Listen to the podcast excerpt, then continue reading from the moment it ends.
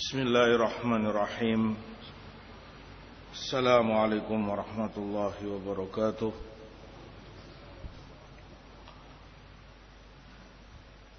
الحمد لله. الحمد لله وكفى. والصلاة والسلام على رسول الله المصطفى. وعلى آله وصحبه ومن اتبع هداهم وعلى آثارهم اقتفى. أما بعد إخوتي في الله حذرين جماعة سكاليان رحمني ورحمكم الله. الحمد لله atas segala taufik yang Allah berikan kepada kita semua yang hanya karena taufiknya pula kita baru melaksanakan salat fajar berjamaah di masjid yang mulia ini sedikit mengingat beberapa fadailnya. Rasulullah sallallahu alaihi wasallam menyebutkan bashir al-masya'in fi dhulumat bin nur tam yaumal qiyamah beri kabar gembira bagi mereka yang berjalan dalam kegelapan yaitu gelapnya subuh. Karena subuh masih gelap. Belum ada matahari belum ada terang.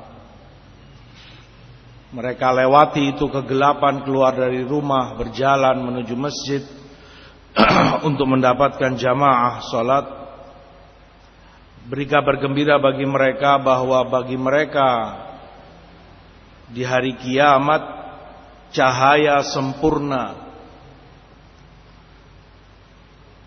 di hari kufar dan munafikin kehilangan cahaya mereka dalam kegelapan yang sangat fil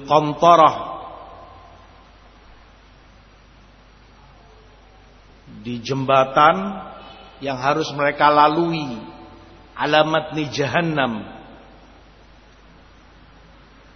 Para ulama tafsir sebutkan terkait cahaya ini ketika mereka menjelaskan ayat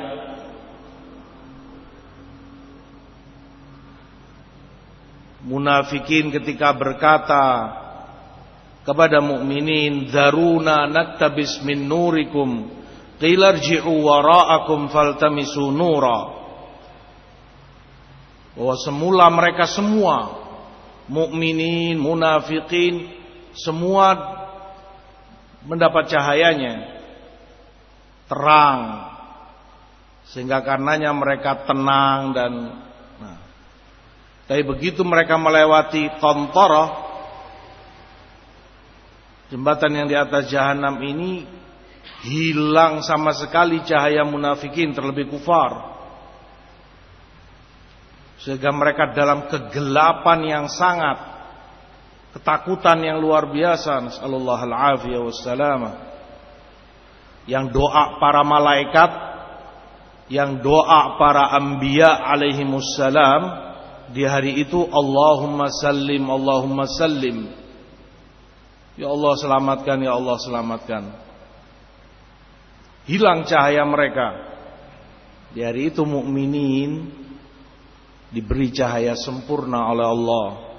Sehingga munafikin berkata, Tolong biarkan kami mendapat secercah sedikit saja cahaya dari kalian. Tapi tidak akan mungkin itu mereka dapati. Rasulullah kabarkan dalam hadis ini yang jalan dalam kegelapan fajar untuk sholat subuh berjamaah baginya cahaya sempurna di yaumul qiyamah dan itu fadilah besar bagi yang menjaga yuhafid sholat subuh berjamaah di masjid-masjid yang ada.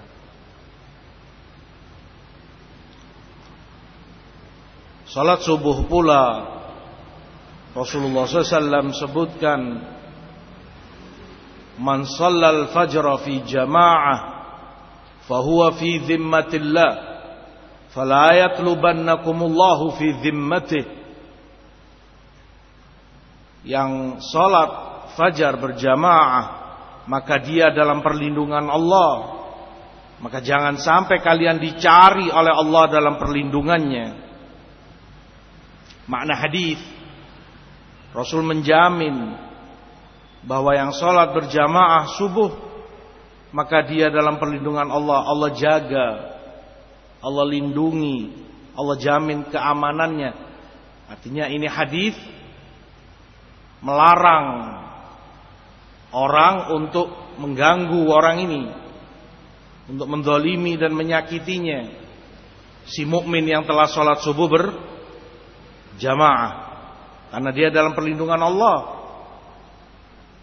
Makanya Rasulullah sebutkan jangan sampai kalian dicari oleh Allah dalam perlindungannya. Artinya jangan kamu sekali-kali mengganggu atau mendolimi dalam bentuk apa pun kepada dia yang telah sholat subuh berjamaah. Karena berarti kalian telah berurusan dengan Allah. Allah yang Rabbul Alamin. Pasti hancur kalian. Untuk memudahkan pemahaman kita, walaupun tentunya jauh berbeda dan tidak bisa dibandingkan sama sekali.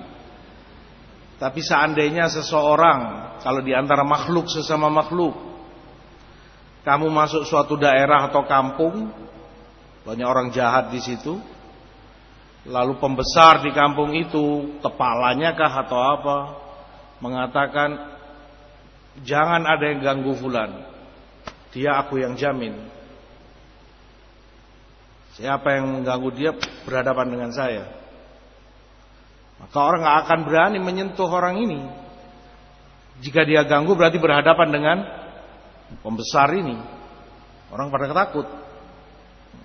Demikian. Rasul SAW mengatakan yang sholat subuh berjamaah Allah yang menjamin perlindungannya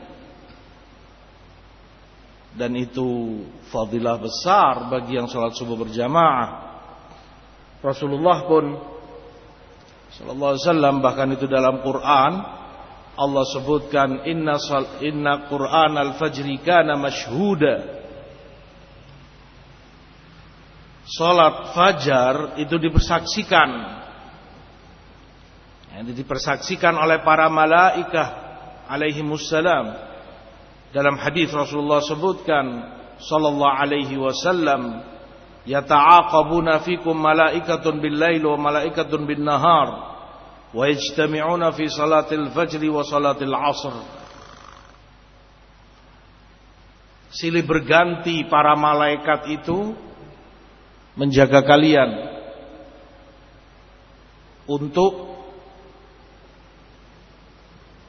melihat amal perbuatan kalian kemudian naik melaporkannya kepada Allah dalam keadaan Allah lebih tahu dari mereka semua. Dan mereka para malaikat ini bertemu di sholat subuh dan sholat asar. Malaikat pagi turun di waktu subuh bertemu dengan malaikat yang semalam bersama kalian Subuh itu mereka naik Yang malaikat malam. Di sholat asar yang malaikat pagi naik Yang malaikat bertugas malam turun di sholat asar. Sehingga subuh dan asar Waktu bertemunya para Malaikat Pagi maupun petang. Mereka katakan Ji'nahum yusallun. Wataroknahum yusallun. Mereka berkata para malaikat ini kami datangi mereka mukminin dalam keadaan mereka sholat. Kami tinggalkan mereka dalam keadaan mereka sholat. Karena yang pagi mengatakan kami datang di waktu subuh sedang sholat. Kami tinggalkan di asar sedang sholat. Begitu pula yang malam kami datang asar sedang sholat. Kami tinggalkan mereka subuh dalam keadaan mereka sholat. Imma itu dikatakan para malaikat sesama mereka yang pagi dan yang petang. Saling menyampaikan itu.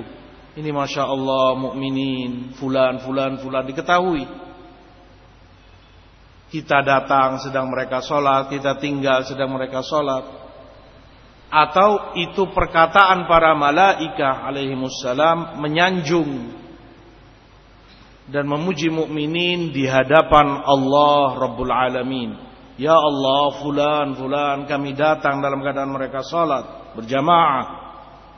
Kami tinggalkan mereka dalam keadaan mereka sholat berjamaah.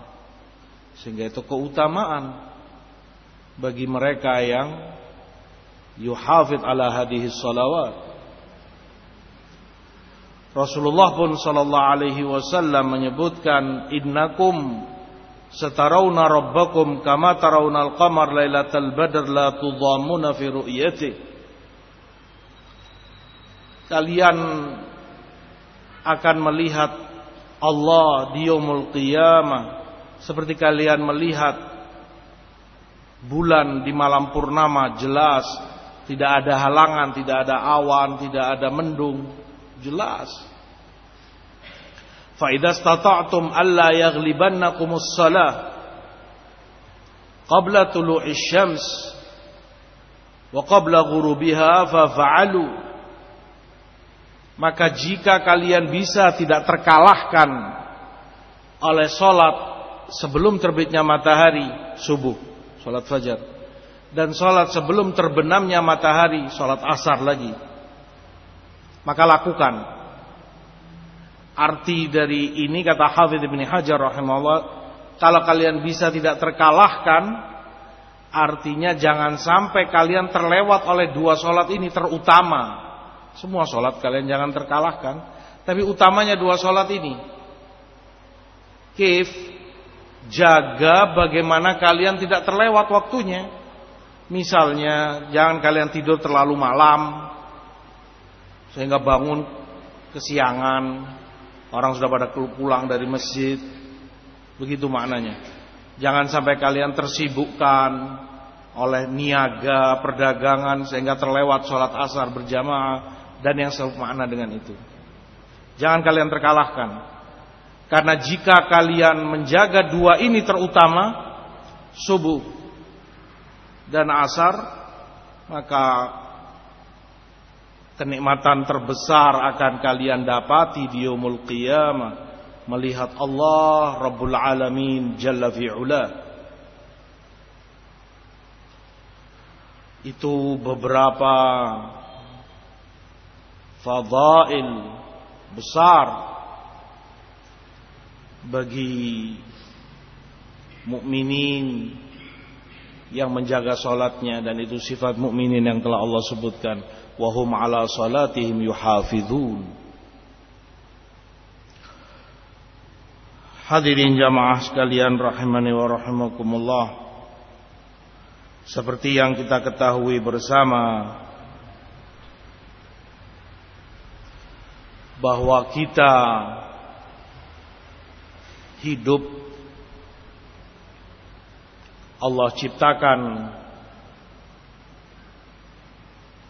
bukan main-main, bukan sia-sia, tapi serius.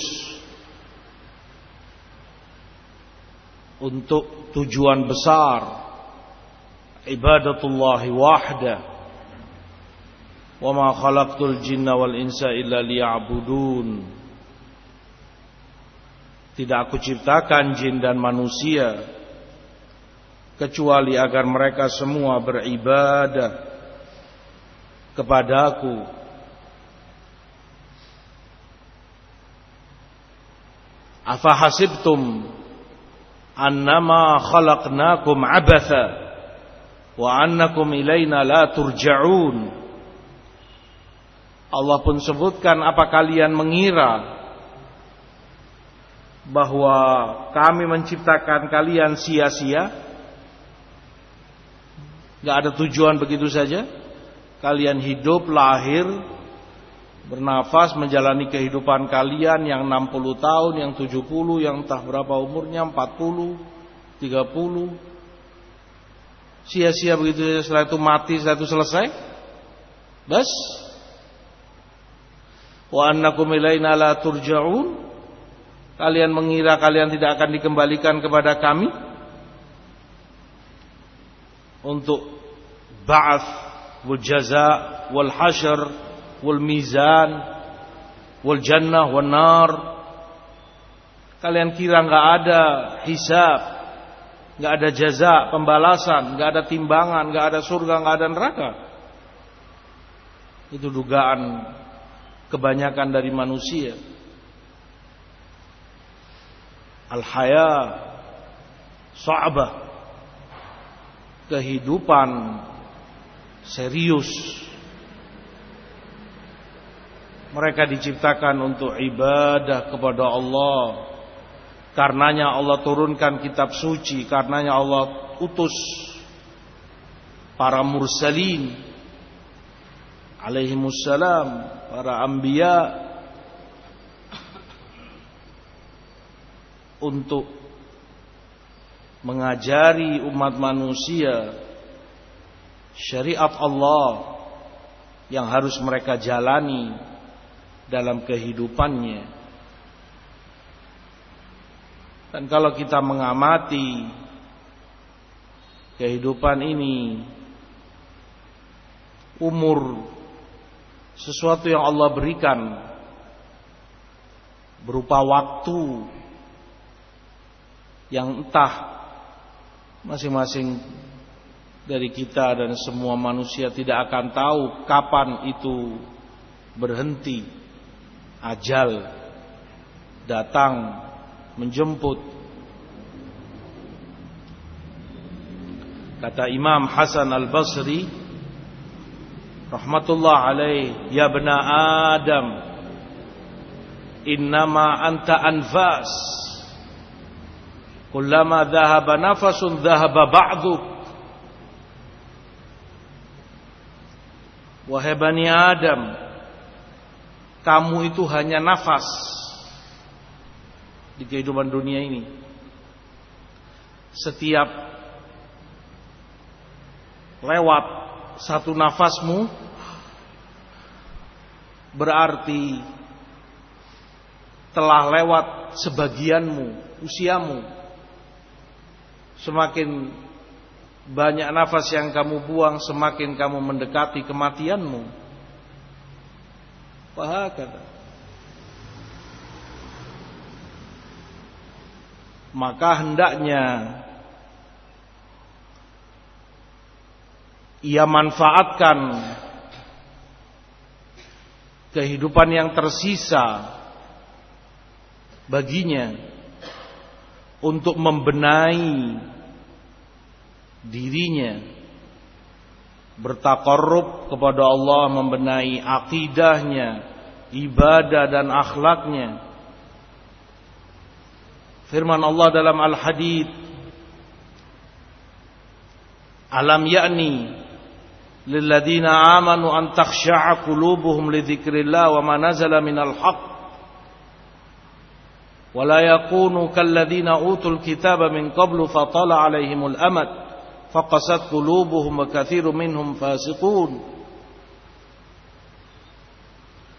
Alam yakni belum datangkah waktunya bagi orang-orang yang beriman untuk tunduk hati mereka kepada al-haq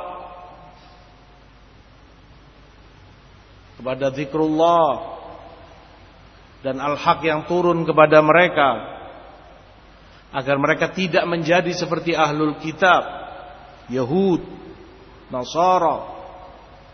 Karena lamanya waktu berjalan usia mereka keras hati mereka. Dan banyak dari mereka itu fasik. Alam yakni Allah tegur mukminin. Belum datangkah waktunya kepada mereka. yakni sampai mau kapan kalian mau bersungguh-sungguh mau berbenah diri mau sampai kapan kalian hidup foya-foya hidup hanya main-main ke sana kemari kelontang kelantung dia lakukan ini dia lakukan itu tidak ada pembenahan dalam imannya, dalam akidahnya, ibadahnya. Mau sampai kapan? Sebagaimana Hasan Al-Basri katakan, "Kullama dhahaba nafasun dhahaba ba'du."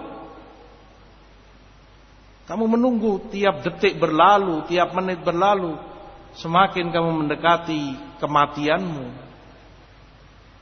Alam yakni belum datang waktunya bagi kamu. Mau sampai kapan kamu? Di ayat lain Allah sebutkan Awalam nu'ammirkum ma yatadhakkaru fihi man tadhakkar wa ja'akumun nadhir. Ja'akumun nadhir. Bukankah kami kata Allah telah memberi kalian usia yang dengan itu cukup bagi kalian semestinya untuk ingat untuk sadar. Bahwa kalian hidup tidak sia-sia, tanggung jawab, dan telah datang kepada kalian nazir, pengingat yang menyampaikan ancaman, peringatan. Ada banyak akwal para mufassirin terkait nazir ini Salah satu yang mereka sebutkan nadir duhurus syaib. Yang menyampaikan peringatan ini dari Allah adalah munculnya uban di tubuhmu. Rambutmu mulai putih. Jenggotmu mulai putih. Nah, peringatan dari Allah, ya benar Adam. Usiamu semakin mendekat. Belum juga kamu mau berbenah diri. Belum waktunya cukup bagi kamu untuk bertobat kepada Allah. Berapa tahun sudah berlalu dari usiamu yang 40, yang 50. Dalam keadaan dia seperti itu. Mulai dia balik, akil balik, ya Allah 15 tahun misalnya. Sampai dia sekarang usia 40, 50, tidak ada beda usia dia 15 sampai sekarang ya seperti itu dia. Tidak ada perubahan. Wala dia mengerti tentang syariat Allah, wala dia faham tentang sunnah Rasulnya. Akidahnya seperti itu, ibadahnya gitu-gitu saja.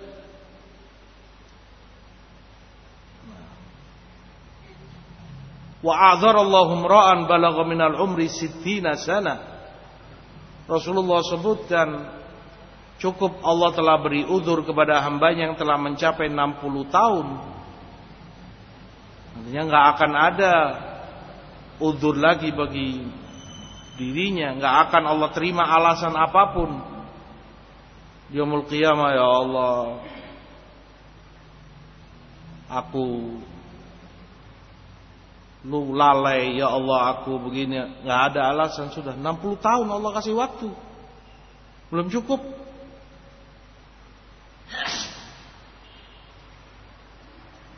satu-satunya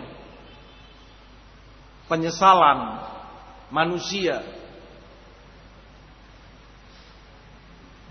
Di yaumul atau setelah dia mati yang Allah sebutkan dalam Quran pernyataan mereka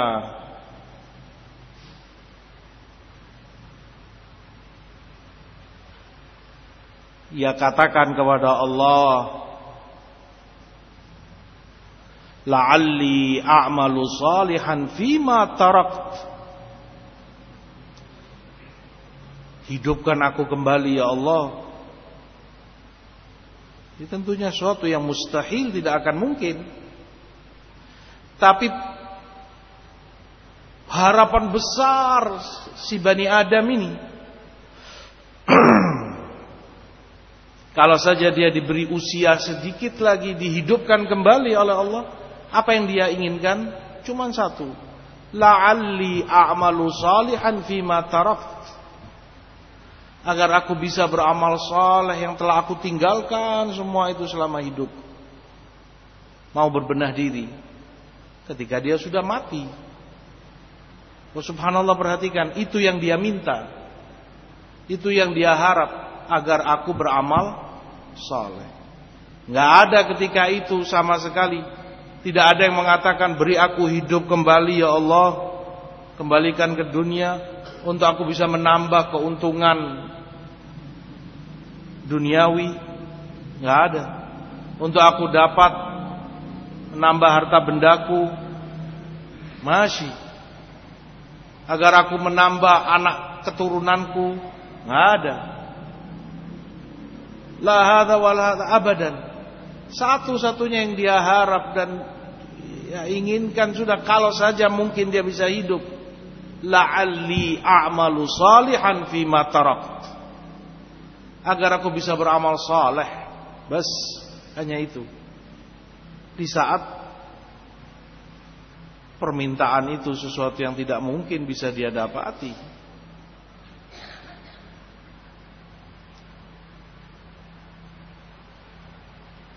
Oleh sebab itu selama Allah memberikan waktu hendaknya itu benar-benar dimanfaatkan untuk akhirat kita. Karena semuanya adalah jaza wal hisab dihitung dihisab di yaumul qiyamah mas'uliyah. Di yaumul qiyamah semuanya wahdat anta. Kamu seorang diri tidak ada. Mulai dari kematianmu tudfan wahdat kamu dikubur sendiri. Siapa yang mau membarengi kamu dalam kuburmu? Hatta orang paling mencintai kamu atau yang paling kamu cintai. Nggak akan ada yang mau menemani kamu. Tudfan wahdat. Bahkan kalau kamu mau mengamati wahai Bani Adam yang mengantarmu ke kubur, yang meletakkanmu di bawah kubur yang mengurukmu dengan tanah adalah orang-orang yang selama ini kamu cintai dan sangat mencintaimu. Anakmu, bapakmu, adik kakakmu, orang-orang yang sangat dekat atau bahkan sangat fanatik terhadapmu. Dia yang mengubur kamu. Tidak ada. Semuanya mas'uliyah, wahdat. Kamu yang tanggung jawab sendiri sekarang. Wa inna lil qabri dhaghta. Lau naja minha ahad la naja minha sa'ad. Rasulullah SAW sebutkan kubur itu ada himpitan. Nasallallahu al-afiyah. Dihimpit orang itu ketika selesai dikuburnya. Kalaupun ada yang selamat, seandainya ada yang selamat dari himpitan kubur itu, niscaya saat akan selamat. Saat ibnu Mu'ad, sahabat yang mulia, radhiyallahu an, yang di hari beliau meninggal dunia, Rasulullah sebutkan ihtazza arsyur rahman. Arsh Allah goncang karenanya. Karena kemuliaan seorang Sa'ad ibnu Mu'ad. Itu pun tidak selamat dari himpitan kubur. Kif dengan yang lain. Malaikat mungkar wa nakir yajlisani yas'alanahu yas yas'alanihi. Dua malaikat kubur mendudukkan dia menanyai dia man rabbuk? Siapa rabbmu? Rububiyah. Yang dimaksud di dalam hadis adalah ubudiyah. Bukan rububiyah ammah dalam artian siapa Robmu, siapa yang menciptakan kamu, siapa yang mengatur, menguasai kamu atau alam semesta ini. Kalau itu hatta kufar bisa jawab. Tapi rububiyah di situ ubudiyah. Yani man rabbuk, man ma'buduk. Siapa yang kamu ibadahi selama hidupmu? Kif ibadahmu? Uluhiyah. Semuanya. Rasulullah sebutkan man mata faqad qamat qiyamatuh. Yang mati berarti dia telah terjadi kiamatnya. Atau ulama sebutkan kiamatus sughra kiamat kecil bagi dia yang mati. Karena berarti pertanyaan harus dia jawab. Hadis panjang. Selesai semua itu kalau dia orang baik, kalau dia orang soleh, Allah tampakkan baginya surganya, tempat yang telah disediakan untuk dia ini tempatmu, ini kenikmatanmu nanti di jannah begini. Terus itu dia lihat, ditampakkan di dalam kuburnya sampai yaumul qiyamah. Karena senangnya dan dia berharap cepat mendapati itu, maka si mukmin ini berkata, "Ya Rabbi, aqimis sa'ah." Ya Allah, segerakan kiamat. Karena dia cepat-cepat ingin masuk mendapati jannah itu. Adapun kalau itu munafik, kufar, Alhamdulillah yang banyak maksiat dosanya, hasil diadab. Setelah pertanyaan dua malaikat itu tidak bisa dia jawab. Yudrabu bimir zabatin min hadid. Lau ijtama'a ahlu mina. Ma yarfa'uha Rasulullah sebutkan dia dipukul oleh malaikat kubur dengan pukulan besi besar. Rasulullah katakan kalaupun penduduk Mina kumpulnya orang di Mina ketika haji berapa ribu, berapa juta bahkan 5 juta mungkin lebih. Kalaupun mereka semua kumpul untuk mengangkat ini pukulan besi nggak akan ada yang mampu mengangkatnya. Dihantamkan kepadanya teriak dia kesakitan, terdengar oleh segala sesuatu kecuali jin dan manusia. Walhasil kemudian ditunjukkan kepadanya ini azabmu. Nih neraka. Kamu akan diadab di sini. Terus itu ditampakkan kepadanya sampai yaumul qiyamah. Hingga karena ketakutan dia akan mendapatkan itu ia katakan ya Rabbi la tuqimis sa'ah ya Allah jangan jangan kau datangkan kiamat. Karena dia tahu kalau kiamat itu tempat kembali baginya. Nasallallahu alafiyah. Wahdak kamu seorang diri. Wa wahdak kamu pun akan dibangkitkan seorang diri. Di mahsyar wahdat seorang diri yauma yafirul mar'u min akhi wa ummihi wa abi wa sahibatihi wa bani. Nggak ada. Saudaramu lari dari kamu istrimu anakmu bapak ibumu masing-masing.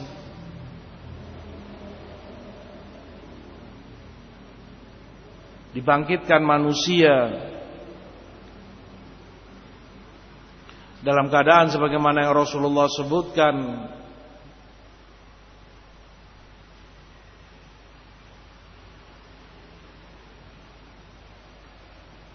posisi mereka atau keadaan mereka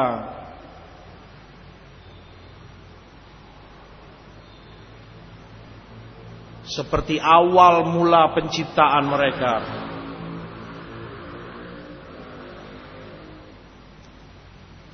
awal mereka Allah ciptakan telanjang.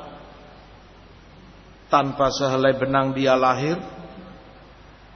Tanpa alas kaki.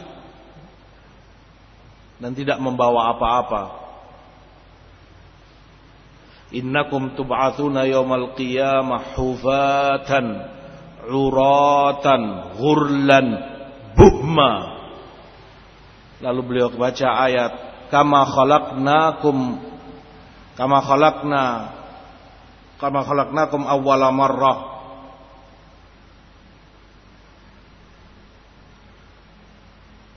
Kalian dibangkitkan dalam keadaan hufat tanpa alas kaki. Urat telanjang tanpa sehelai benang. Gurlan tidak dikhitan buhman. Tidak membawa apa pun. Wala satu rupiah. Sebagaimana kamu lahir pertama kita manusia. Kama bada'na awwala khalqin nu'idu. Allah katakan kama bada'na awwala khalq. Sebagaimana itu awal penciptaan mereka nu'idu. Seperti itu kami kembalikan penciptaannya telanjang tanpa alas kaki tidak dikhitan dan tidak membawa apa-apa. Tub'atsun hufatan uratan ghurlan buhma. Dia masing-masing menghadap Allah tanpa ada penerjemah. Tu yu'ta yaumal qiyamah bi an'ami ahli dunia. Rasulullah sebutkan didatangkan di yaumul qiyamah orang paling senangnya di dunia. Paling dapat kenikmatan, paling segalanya sudah di dunia. Fayuzbaghu finnar sabghatan wahidah. Lalu dicelupkan dia ke neraka. Alhamdulillah sekali sebentar dicelup celup dan diangkat. Fayuqal hal marra bika ni'matun qat? Lalu ditanya kamu pernah merasa kenikmatan kamu dapati? Qala la ya rob. Tidak ya Allah. Lupa. Karena sekali celup di neraka. Padahal dia mungkin 60 tahun, mungkin 70 tahun, mungkin 80 tahun melewati kehidupannya. Itu pun kalau dia dalam kenikmatan, dalam kekayaan, dalam dengan sekali celup di neraka hilang itu semua. Nggak ada artinya 80 tahun dia hidup dalam kemewahan. Wa yu'ta bi ab'asi ahlil ard. Lalu didatangkan orang paling payahnya ketika hidup ekonominya, ta'ban, miskin, susah hidupnya luar biasa. Fayusbagu fil jannati sabgha wahidah. Dicelupkan di jannah, sekali celup sebentar, kemudian diangkat. Fayuqal kemudian ditanya, "Hal marrabika ba'sun qat?" Kamu pernah merasa susah? Merasa sulit Kata dia, qala la ya Rabb. Enggak sama sekali ya Allah. Lupa. Dengan susahnya hidup dia, kemiskinannya, sulitnya selama hidup sama. Mungkin itu selama 70 tahun, 60 tahun hilang sama sekali. Hanya karena sekali celup di jannah. Kif kalau itu abadi dan selama-lamanya. Baik itu yang di neraka maupun di jannah. Maka tidak ada yang sia-sia, tidak ada yang main-main, semuanya adalah kesungguh-sungguhan. Ingat apa yang Rasulullah sebutkan, ihris amala alama yanfa'uk. Ihris alama yanfa'uk. Hirs. Antusiaslah bersungguh-sungguhlah atas segala yang manfaat bagimu. Kalau memang bagimu permainan di kehidupan ini berfoya-foya, membuang-buang usiamu ke sana kemari. Kamu anggap itu yang bermanfaat, teruskan, lanjutkan. Karena kamu akan pertanggungjawabkan semua itu seorang diri, dikubur kemudian di yaumul qiyamah. Kalau kamu anggap itu yang bermanfaat bagi kamu di hadapan Allah nanti, silahkan lanjutkan. Kamu jauh dari ilmu, kamu jauh dari syariat, kamu jauh dari ahlul khair. Bagimu itu yang manfaat, menurut kamu itu yang berguna, silahkan lanjutkan. Bagi kamu usia kamu tidak ada artinya, tidak ada gunanya, teruskan.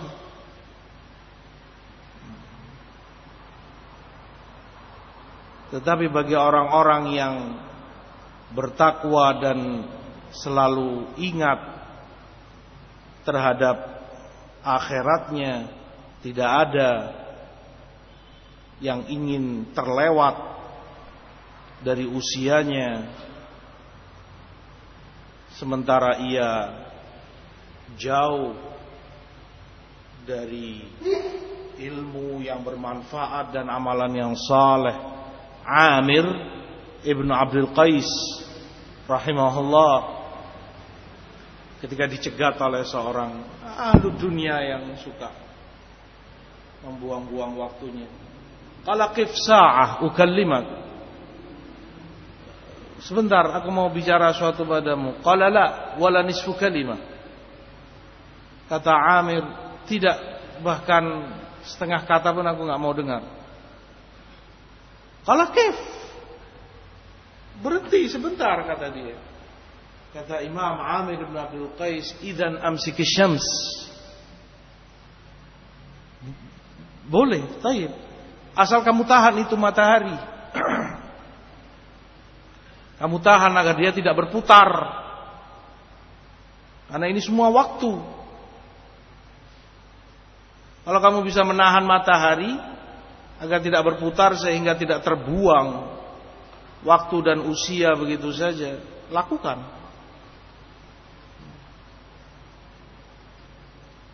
Tetapi mukminin demikian mereka menggunakan hidupnya untuk bertakarrub kepada Allah. Sudahlah, yang lalu dari hidupmu biar berlalu sudah yang nggak ada gunanya, yang begini begitu. Sekarang yang terdepan masa depan kita, yang tersisa dari usia kita. Manfaatkan benar, karena masing-masing kita nggak tahu kapan mati datang, ajal menjemput. Manfaatkan untuk berbenah diri, belajar ilmu serius, sungguh-sungguh,